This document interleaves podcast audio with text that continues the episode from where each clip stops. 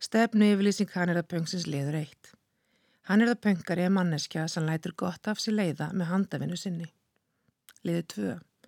Handavinan þín er tjáningaformið þitt. Liður fimm.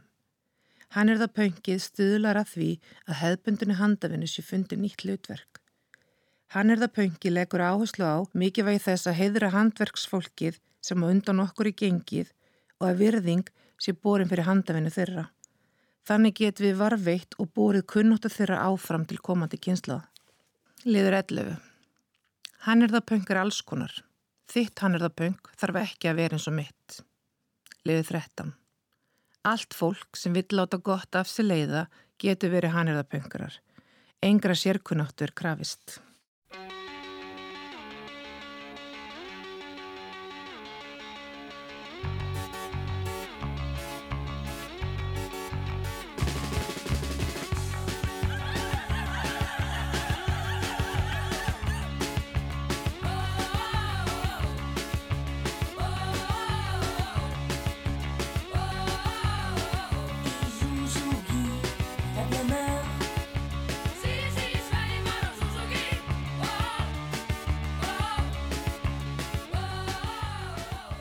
Sælt fyrir fólkið. Eru að hlusta á Hanirðaböng og þátturinn í dag heitir Ég upphafi var handverk og húflur. Ég heiti Sigrún og ég er Hanirðaböngari. Hvað dettur ykkur í hug þegar þið heyri orðið Hanirðaböngari? Sjáu þið fyrir ykkur reyðamannesku með hanakamp, gatta og hundaólar um hálsin eða ímyndið ykkur miðaldra mann að prjóna öllasokka fyrir útigangsfólk. Já, stundum er það þannig að þegar að stórt er spurt verður fátt um svör. En það ásó sem ekki við í þessu tilfelli því næstu fjóri þáttum mun ég fjalla um alls konar handverk, hanirðapöng og húðflúr frá alls konar sjónahotnum. Við munum heyra viðtöl við fólk sem notar handafinu sína til að láta gott af sér leiða, til að vekja aðtikla félagslegu óriðtlæti eða skökkum kynja römmum og kynja reglum. Segið mér nú, hefur myndin af hanirðapöngaranum svo sem poppaði upp í kollurum ykkur áðan, eitthvað breyst. Máli er nefnilega að hver sem er getur verið hannirðapöngari. Ef fólk vill stuðlaða betri heimi, láta gott af sér leiða með handafinu sinni, þá er það sem á ennsku kallast kraftivist eða hannirðapöngari eins og ég kýsa þýða það. Hannirðapöngarar láta verkinn tala, óháð aldri og fyrir störfum, kíni, kíngerfi, þjóðurni og líkamlegu atgerfi. Handavinnan er málpípan, engra sérkunnáttu er krafist. En af hverju að splæsa orðinu punk við í stað þess að þýða það sem hann er það aktivisma eða hann er það gjörning? Ennska hugtækið er kraftivism, samsettur orðunum kraft sem þýr handiðin og aktivism sem hægt var að þýða sem gjörningastefna. Þetta er í raun og veru gamalt orð en endurvakning orðsins á rætur að reykja í pöngtímabilið og pöng áhuga Betsy Greer, konuna sem hefur stundum verið köllu ljósmóður hannirðapöngsins. Svo er það líka þannig að sögnin að pöngast í einhverju eða einhverjum er oft nótu nú til dags til að lýsa því þegar fólk reynir að knýja fram breytingar með aðgerðum eða hreyfa við stöðnuð ástandi. Fyrgrind Betsy Greer segir í bókinu sinni Craftivism, The Art of Craft and Activism að hennar eigin gjörningastefna hafi orðið fyrir miklum áhrifum frá punktímabilinu. Rétt eins og ég tengdi Betsy alla tíð við kraftin, jafnbryttið og heimsbyggina í punkinu. Það að við öll getum haft áhrif til góðs og vakið samferða fólk okkar til meðvitundar með því að framkvama. How are you? I am good and you? How are things in Iceland? Uh, things are sunny and yet they're, it's very cold. But spring, it's on yeah, its way. It's not that bad here, which is, you know, global warming. It's warm, but, uh... yes, and the coronavirus. Killer combo. Oh, yeah, yeah. What I wanted to ask you was uh, how the term craftivism came about. Sure. So, um, well, I um, I was learning to knit, and I was about gosh, 2000, mm-hmm. and I was living in New York City, and and I was thinking about how um, people help the world, you know, become a better place. Mm-hmm. Like some people write checks for donations for organizations. Some mm-hmm. people protest, and and I was knitting, and I thought about how my grandmother mm. uh, would knit hats for infants at the local hospital. And I thought about how that too is is also an act of making the world a better place and making the world more like what you want to see, and and kind of putting that together with as being a form of activism. Mm-hmm. And and then I thought, hey, that sounds pretty good. And I kind of ran, you know, talked to some friends about it, and they were like, they were like, yeah, that you know that makes a lot of sense. And then I started kind of, uh, you know, the more you talk about it, the more you hear other people's stories. When you heard about um, the, you know, different ways that people had used crafts to to kind of say what had happened to them, going back to the the Bayeux Tapestry in England, in mm-hmm. and I'm sure there are examples in Iceland that I would love to hear about yes. too, as yes. well. And uh, going back a long time, and then you had efforts for the war of people knitting um, different items for soldiers over the years, for knitting for you know scarves. There's for domestic violence shelters. That, that was the first thing I knitted. Actually, it was a scarf for um, mm-hmm. to give somebody at a domestic violence okay. shelter, and and so then as it grew, people told me more stories of things that they had done that um, they had read about, and I began to see that it can be a force for change, whether mm-hmm. that is really granular and personal. It's a it's something that you make something and you kind of change um, your feelings and your convictions about a certain issue or, or something in general, or, or something if you do it in public, it opens up a, a public conversation. So. Mm-hmm yeah. that's I guess where it all started. Yeah.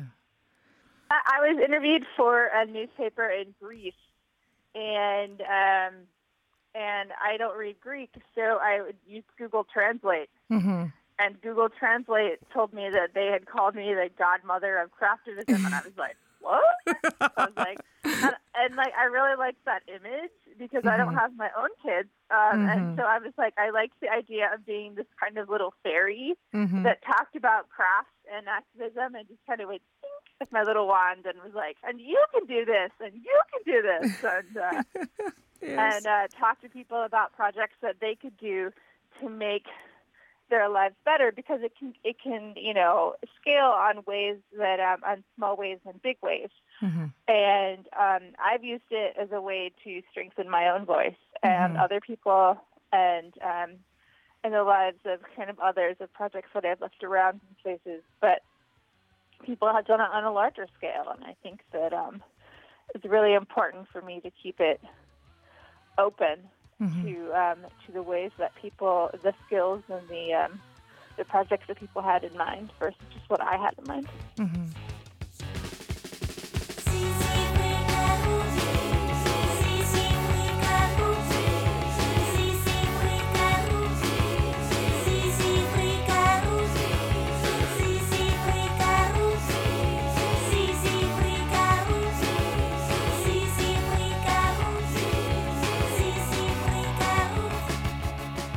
Mótspyrna gegn félagslegu ránglæti var rauði þráðurinn í andofi punksins. Undir okaði samfélagshópar tóku sér pláss og punkara spurðu kvorki drottningunni prest um leifi. Í gegnum handverk og saumaskap gaf fólk skít í hefðbundin og kínbundin klæðnað þess tíma. Þvert á öll kín tók fólk sér til og breytti fötum með alls konar barmnælum, göttum, ólum, tússi og bótum, svo fátt eitt sér nefnt. Pöngið var kínustli, pöngið augraði staðalmyndum og pöngið er ekki dögt. Breski fatahönurinn Vivian Westwood rutti sér leið í tískuheimin á pöngtímabilinu og gaf skít í stránga reglur hans. Hún var og er sangkallar hannirðapöngari því ennþann daginn í dag notar hún hannirðir og handverk í aðgeðum sínum gegn mannrettindabrótum. Á pöngtímabilinu fann Vivian hefðböndinu handafinu nýjan farveg. Hún bjóð til eigin óhlutbundnust nið og notaði plast, net og fleiri óvönjuleg efni í fötin sem hún bæði hannaði og saumaði sjálf.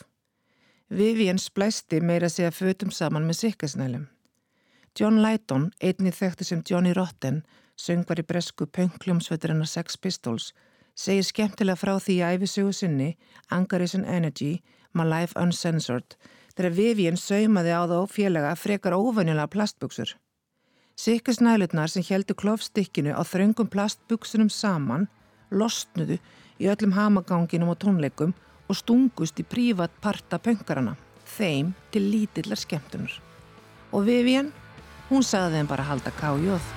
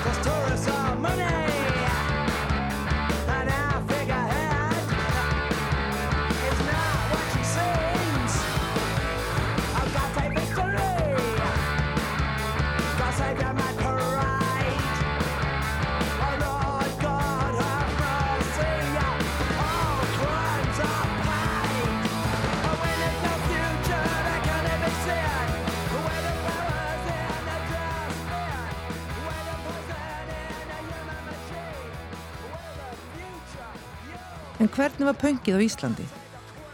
Ég heiti Jón Gnar og hans hund, trygga hund, Klaka, í kaffe heima hjá Jón í Vesturbænum. Við rættum um allt melli heimis og jarðari varða pöngið og pöngtímabilið, en það er Jón flestum kunnugu sem leikari, rítöfundur, fyrir um borgastjóri bestaflokksins og síðast en ekki síst sem pöngari. Heyrim nú brot og viðtalinu við Jón þegar hann lýsi því hvers vegna og hvernig pöngið höfðaði til hans á sínum tíma.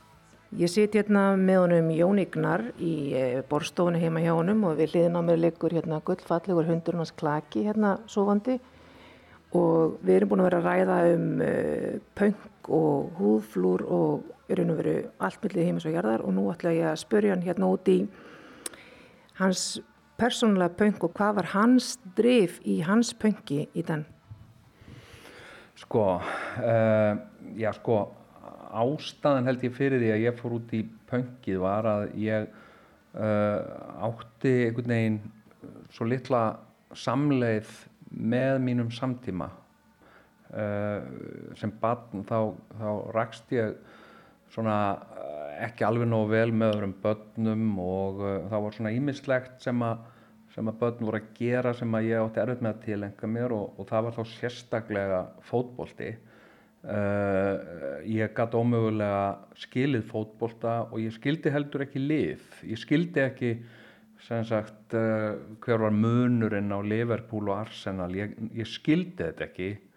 Uh, og, og þarna var ég líka svona tíma veist, sem ég vissi í rauninni heldur ekki almenlega hvaða tími var. Ég vissi, var, ég var óklar á því hvaða ár væri og og hvað dagur er og, og svo framvegis. Og hérna og síðan, síðan sko uh, svona uh, á, á, á þegar ég byrja byrja á unglingsárum kynþróska aldri og það er tónlist allt í nú verður tónlist svona mikilvæg og, og ég skildi hann ekki heldur, hef aldrei skildið hann almenlega þannig ég átti einhvern veginn ekki uh, hlutdeild í því og, og síðan uh, það sem krakkar voru að gera eins og allins að dansa ég gati ekki, gat ekki tilenga mér það þegar ég var það aðlægi þegar ég reyndi það og uh, þá bara kom pöngið eins og og björgunarringur inn í líf mitt og ég greip þennan björgunarring fagnandi og, og kurði bara á honum og, og sko pöngið bara kom og bara reyf mig með sér sko. Það var ekkert það var ekkert að pönginu það var ekkert sem að sem sagt, uh, það var ekkert sem að ég þurfti einhvern veginn að að hérna, engar málamiðlanir eða neitt, pöngi var bara eins og það hefði verið gert fyrir mig og, og, uh, og það sem var líka við, við pöngið sko, uh, sko eins og það var náttúrulega hugsað í upphafi það var að, að sko maður var algjörlega í því á eigin forsendum og uh, sem að þú gast verið töff eða þú gast verið fyndin eða þú gast verið fyndin töff. Þannig að sko ég hef með sko gekk með hundól sem ég hefði fengið einhver stað eða fundið einhver stað og, og ég setti hann um hálsen á mér og, og það var punk af því að þetta var hundól og uh, ég hefði líka séð einhvern punkara í einhver útlensku bladi með hundól og hérna og ég mann man þegar ég var síðan eldri, ég var svona 17-18 ára og fór til uh, London eða Amsterdam eða einhvert og kom inn í einhverja svona punkbúð miklu setna og þá var verið að selja svona hálsólar sem voru eins og hundólar en það voru ekki, voru ekki hundólar það voru semst ekki það var ekki uppröndilega framleitt fyrir hunda heldur var þetta framleitt sem hundól til að setja um hálsin á fólki og, eh, og ég mann hvað mér fannst það skrítið. Ég var svona, já, þetta hérna þetta er ekki alveg punk sko. En mér fannst það miklu veist, ég hefði freka, hefði ég verið að leita mér á hund og óla þarna, þá hefði ég freka fara í gæli til Rauðsland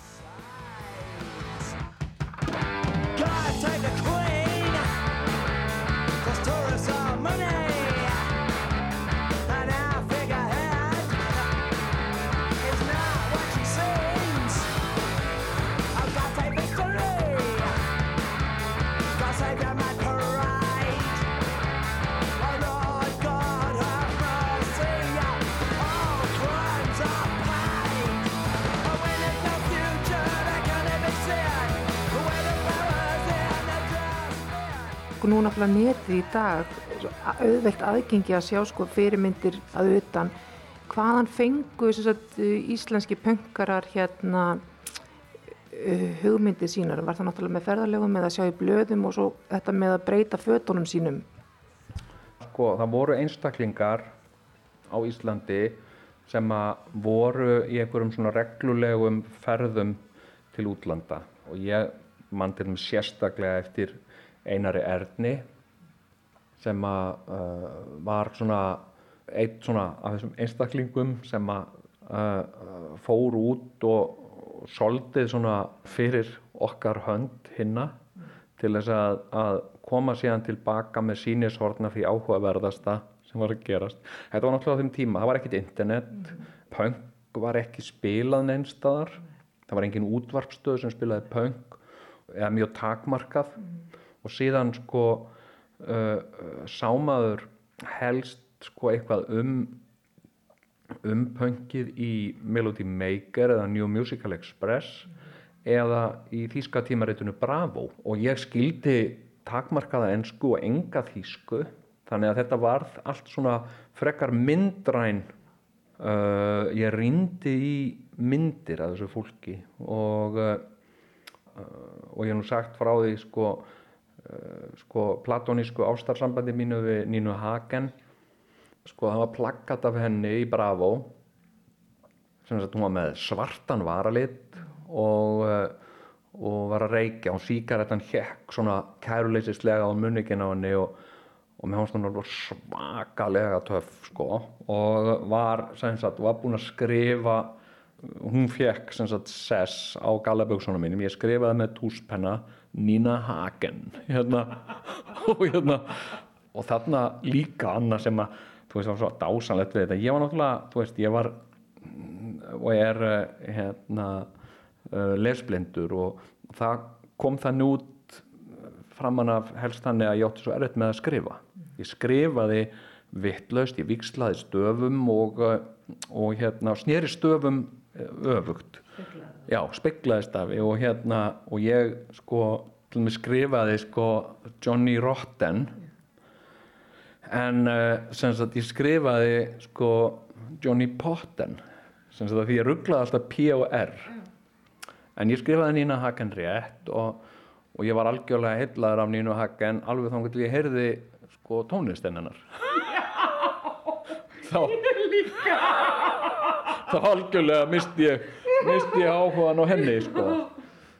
En ég var alltaf þú veist, ég var alltaf svag fyrir nínu skiluru, og það, það hafði sko ekkert með tónlist að gera. Það hafði meira bara með, með lukkið og, og, og attitútið að gera sko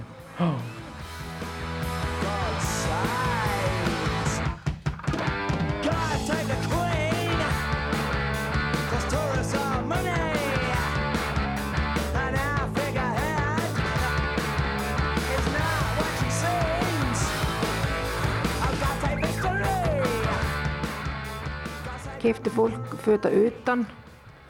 Jú, það var, það var allur gangur á því sko.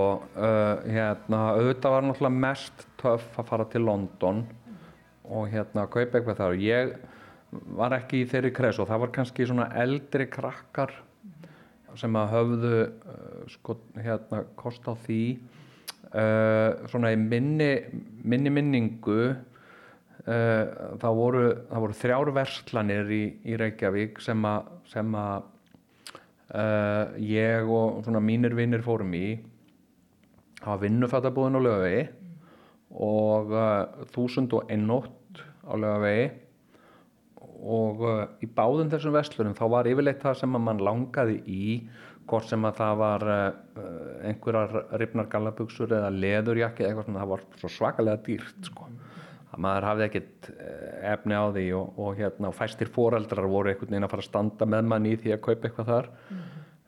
leiðin láð þá mjög gjarnan í fatamarka kattavinnafélagsins sem var í Hafnarstræti í kjallaranum þar mm. og þar gæt maður stundum fundið eins og fyrir slistni sko, eh, sko strettskalaböksur sem að voru jafnvel ripnar sko og það var svona svolítið kunst að finna eitthvað sem var sko sem sagt notað hallærislegt en samt töf sem sagt gallabjósna sniðið uh, sem að við vorum svona uh, flest í var þetta svona hefðbundna gallabjósna snið og uh, sagt, það var ekki mikið frambóð af svona stretchbuksum, það var meira svona eldri, eldri krakkar sem voru í því Uh, en síðan var líka sko var hægt að gera sko ljótar gallaböksur sem sagt punk með því að sko náttúrulega frábært það er voru ribnar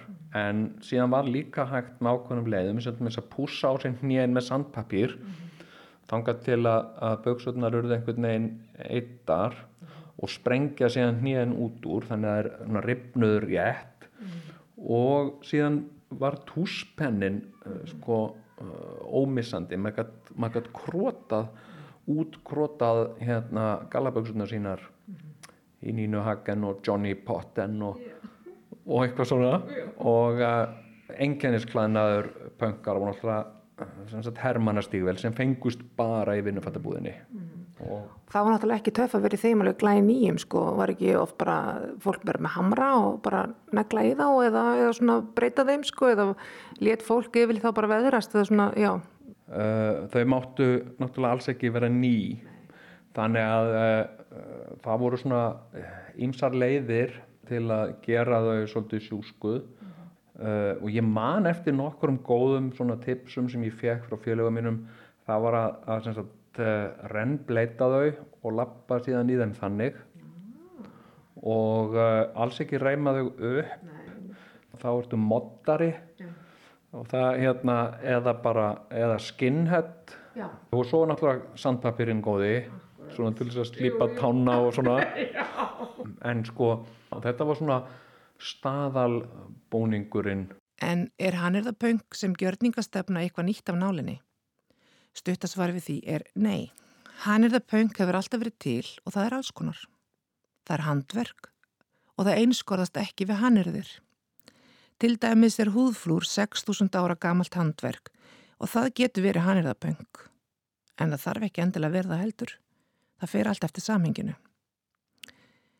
Þótt við flokkum tilteknar aðtapnir saman undir merkimiðan húðflúr er ekki þar með sagt að nokkuð sé líkt með aðtöfnum annað en að settur litarefni í húð. Tilgangur myndana og merking sem fólk leggur í þær eru oft mjög ólík. Frá merkingalegu sjónuhortni er til að mynda erfitt að finna eitthvað sameinlegt með húðflúri Pólónesíu fólksins og númurunum sem nazistar í Þískalandi brennumerti á handleggi gýðinga og annara fanga í útrýmingabúðunum eins og lesa má um í bókinum Lali Sokolov eða húðflúran í Ásvits eins og hann var kallaður. Svo framalega að farið sér eftir stefnu yfirlýsingu hann er það pöngsins getur þau skilgreint handavinnuna þína sem hann er það pöng. Þitt hann er það pöng þarf ekki að vera eins og mitt hann er það pöng og það er allt í lægi. Við vitum að frá örufu alda hefur fólk nota handverk, húðflúr og hann er þér til að segja sögur og til að hafa áhrif á samfélagi til góðs. Þörf manneskunar til að skapa og taka sér pláss í mannkynnssögunni með til dæmis klósett veggja króti á borð við nanna var hér eða kúkum á kerfið er því kvorki frumleg nýja nýja nálinni. 35.400 ára gamla hellaristur á eiginu Sulawesi í Indonésiu sem fordlega frængar fundi árið 2014 eru handverk og eru taldar vera eldstu hellaristur sem fundist hafa. Svo hafa fordlega fræðingar einnig fundið um það byrju 124.000 ára gömu litarefni máluð á hellisveggi í Suður Afriku. Ekki er vitað með vissu hvort litarefnið hafi verið notað sem skortirfæla eða myndirna séu nú út máðar. Færam og rauk fyrir því að hellaristur sem þessa séu hanirðapöng því þar voru tjáningaform fólks þess tíma, röttina liðnu sem segja okkur sögur ennþann daginn í dag. Fólk tók sér plás, málaði það sem skipti máli og hafði þannig áhrif á þróun menningar. En hvað er málið með öll þessi húðflúr? Er önnu hver manneskja komin með rós á rassin? Verða ömmur framtíðarinnar tanar í döðlur og betrekkaðar í húðflúri? Kannski. Hvað sem okkur finnst um húðflúr, þá getur það stundum flokkast sem hann það pöng. En það þarf heldur ekki að gera það. Nú haldið eflust að ég sé að fara með fleipur en hlusti nú.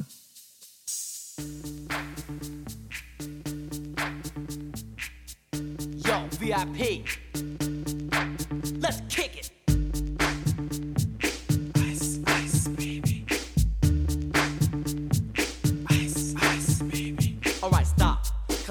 and listen. Ice is back with my brand new invention. Something grabs a hold of me tightly, flow like a harpoon daily and nightly. Will it ever stop? Yo, I don't know. Turn off the lights extreme, I rock a mic like a vandal. Light up a stage and wax a chump like a candle. Dance, crush a speaker that booms. I'm killing your brain like a poisonous mushroom. Deadly. When I play a dope melody, anything less than the best is a felony. Love it or leave it. You better gain weight. You better hit bulls out. The kid don't play. If there was a problem, yo, I'll solve it. Check out the hook while my DJ revolves it. Ice,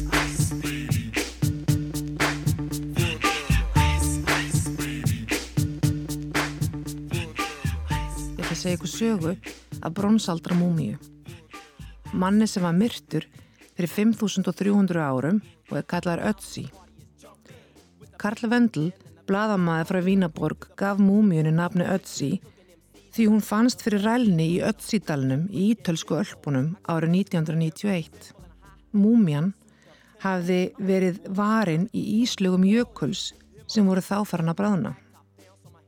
Ötzi var 45 ára gammal og með yfir 60 óhlutstæð húðflúr á leiðamótunum. Svona abstrakt punta sem hafa verið skortnir í húðina og svo makaðar sóti.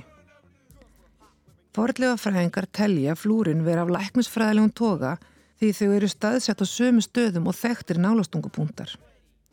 Þessi flúr, ásamt niðurstöðum fleiri rannsókna, segja okkur þá sögu að ötsigreið hafi verið nokkuð heilsuvill. Hann var um það byrj 45 ára gammal og þar að leiðandi gamall kall á bronsaldramælikvarða. Og ef tilgangur flúrana var að gera líf hans bærilegra, þá er hægt að flokka þau sem hann er það böng. Nokkrum dögum fyrir andlátt sitt lendi Ötzi í slagsmálum sem enduðu á því að hann fekk djúpan og langan skurð á hægri hendi. Mögulega var hann hundeltur því nokkrum dögum setna fekk hann öri bakið sem grósi 2 cm inn í vinstri aukslina, raufslagaðina við bringubeinið og Ötzi blætti út. Lengi vel var Ísmaður en svo kallaði talin vera elsta heimildin um flúra mannesku sem fundist hefur.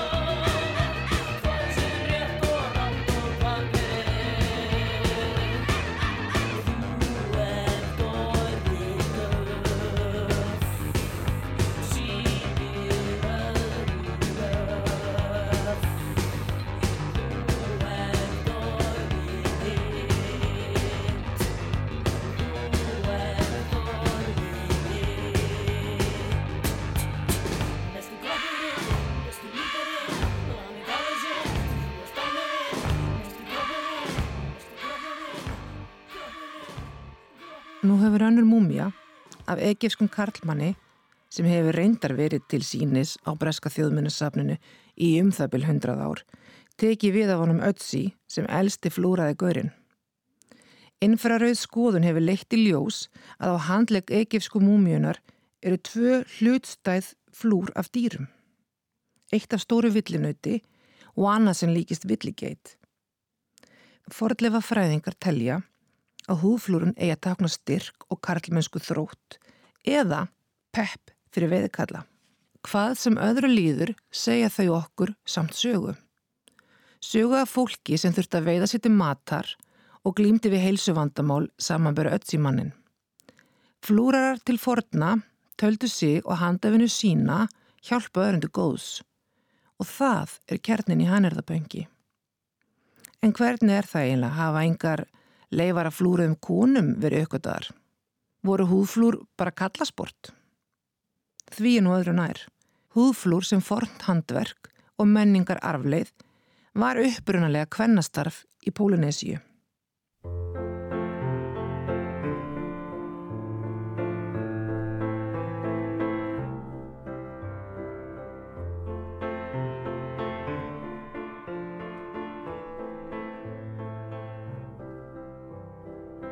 Opens his eyes, falls in love at first sight with the girl in the doorway. What beautiful lines.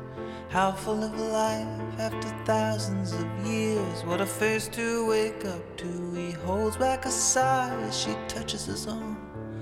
She dusts off the bed where till now he's been sleeping under miles of stone. The dried fig of his heart, under scarab and bone, starts back to its beating.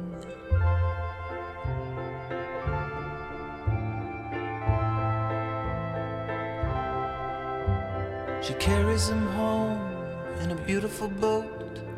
He watches the sea from a porthole in stowage. He can hear all she says as she sits by his bed, and one day his lips answer her in her own language. The days quickly pass, he loves making her laugh. The first time he moves, it's her hair that he touches. She asks, Are you cursed? He says, I think that I'm cute. Þetta var bandaríski þjóðlegasöngvarinn Josh Ritter að syngja lægið Bölfunina og fjallar það um ástri forðlefafræðings og múmiu sem vaknar upp að dvala. En múmiunni fylgir svo bölfun að ástinni lífi hans eldist og deyr en ekki hann.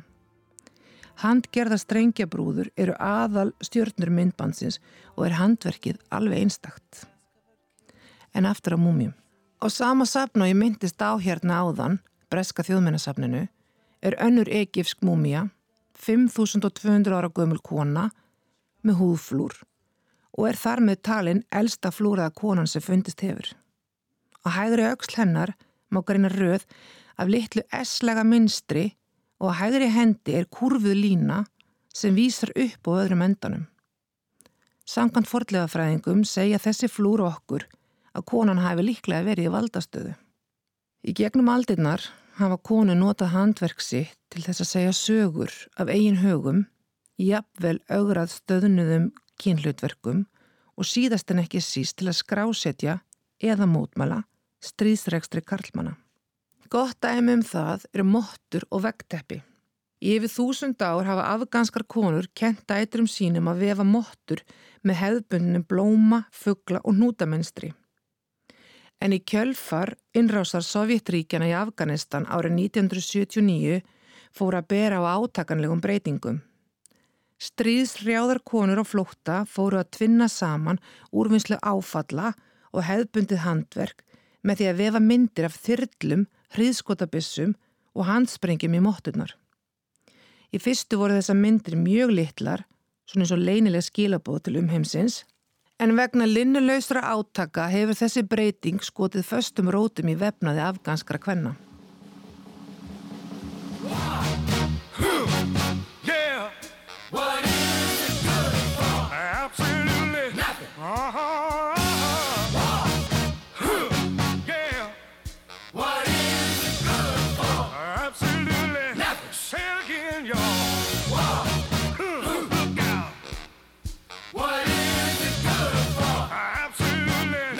To me. Oh,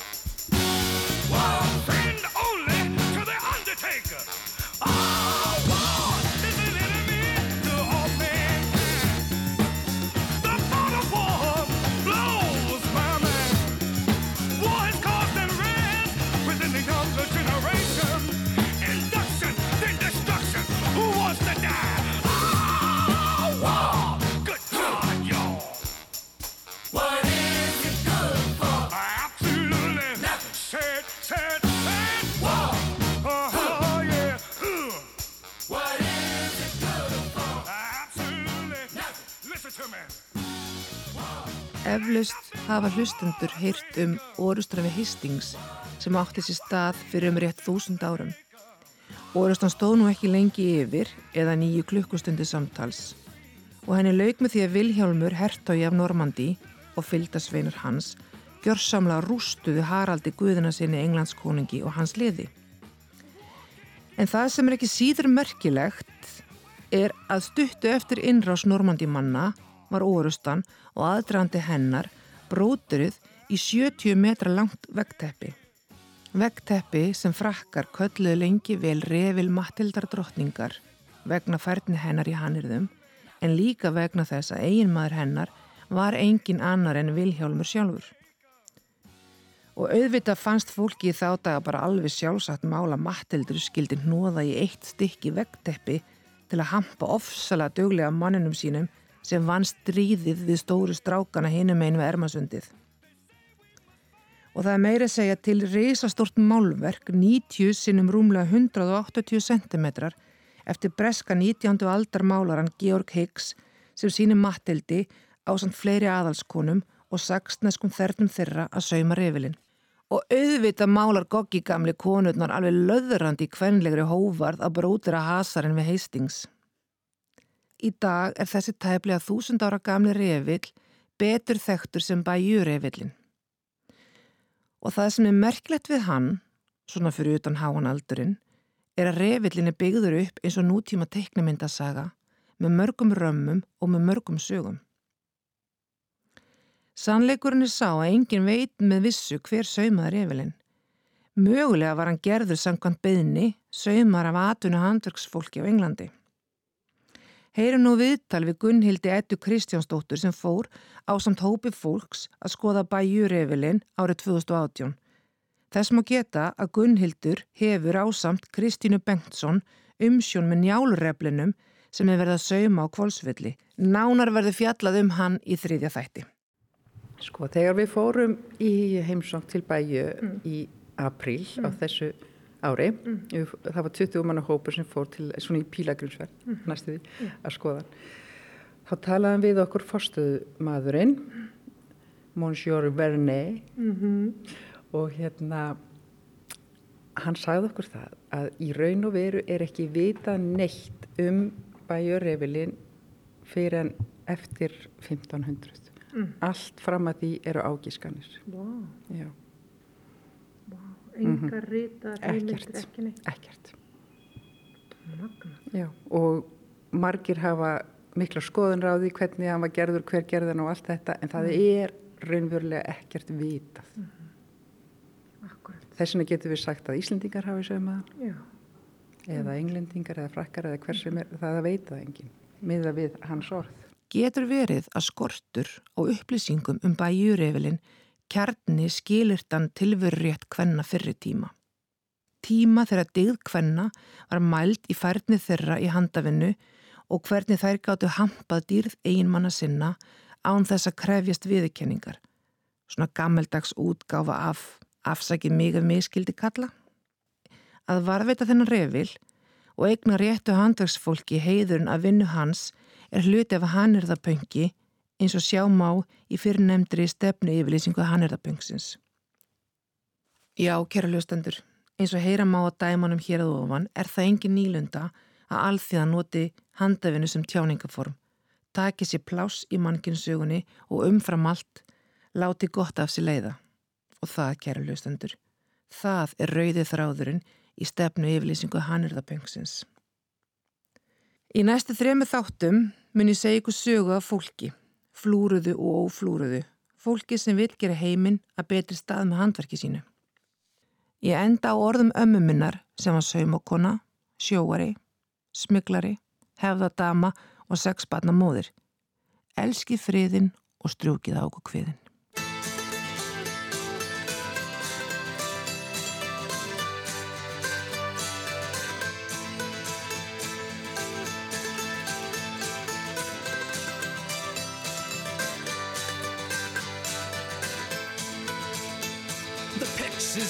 kviðin. This life had many shades. I'd wake up every morning and before I'd start each day, I'd take a drag from last night's cigarette that smoldered in its tray.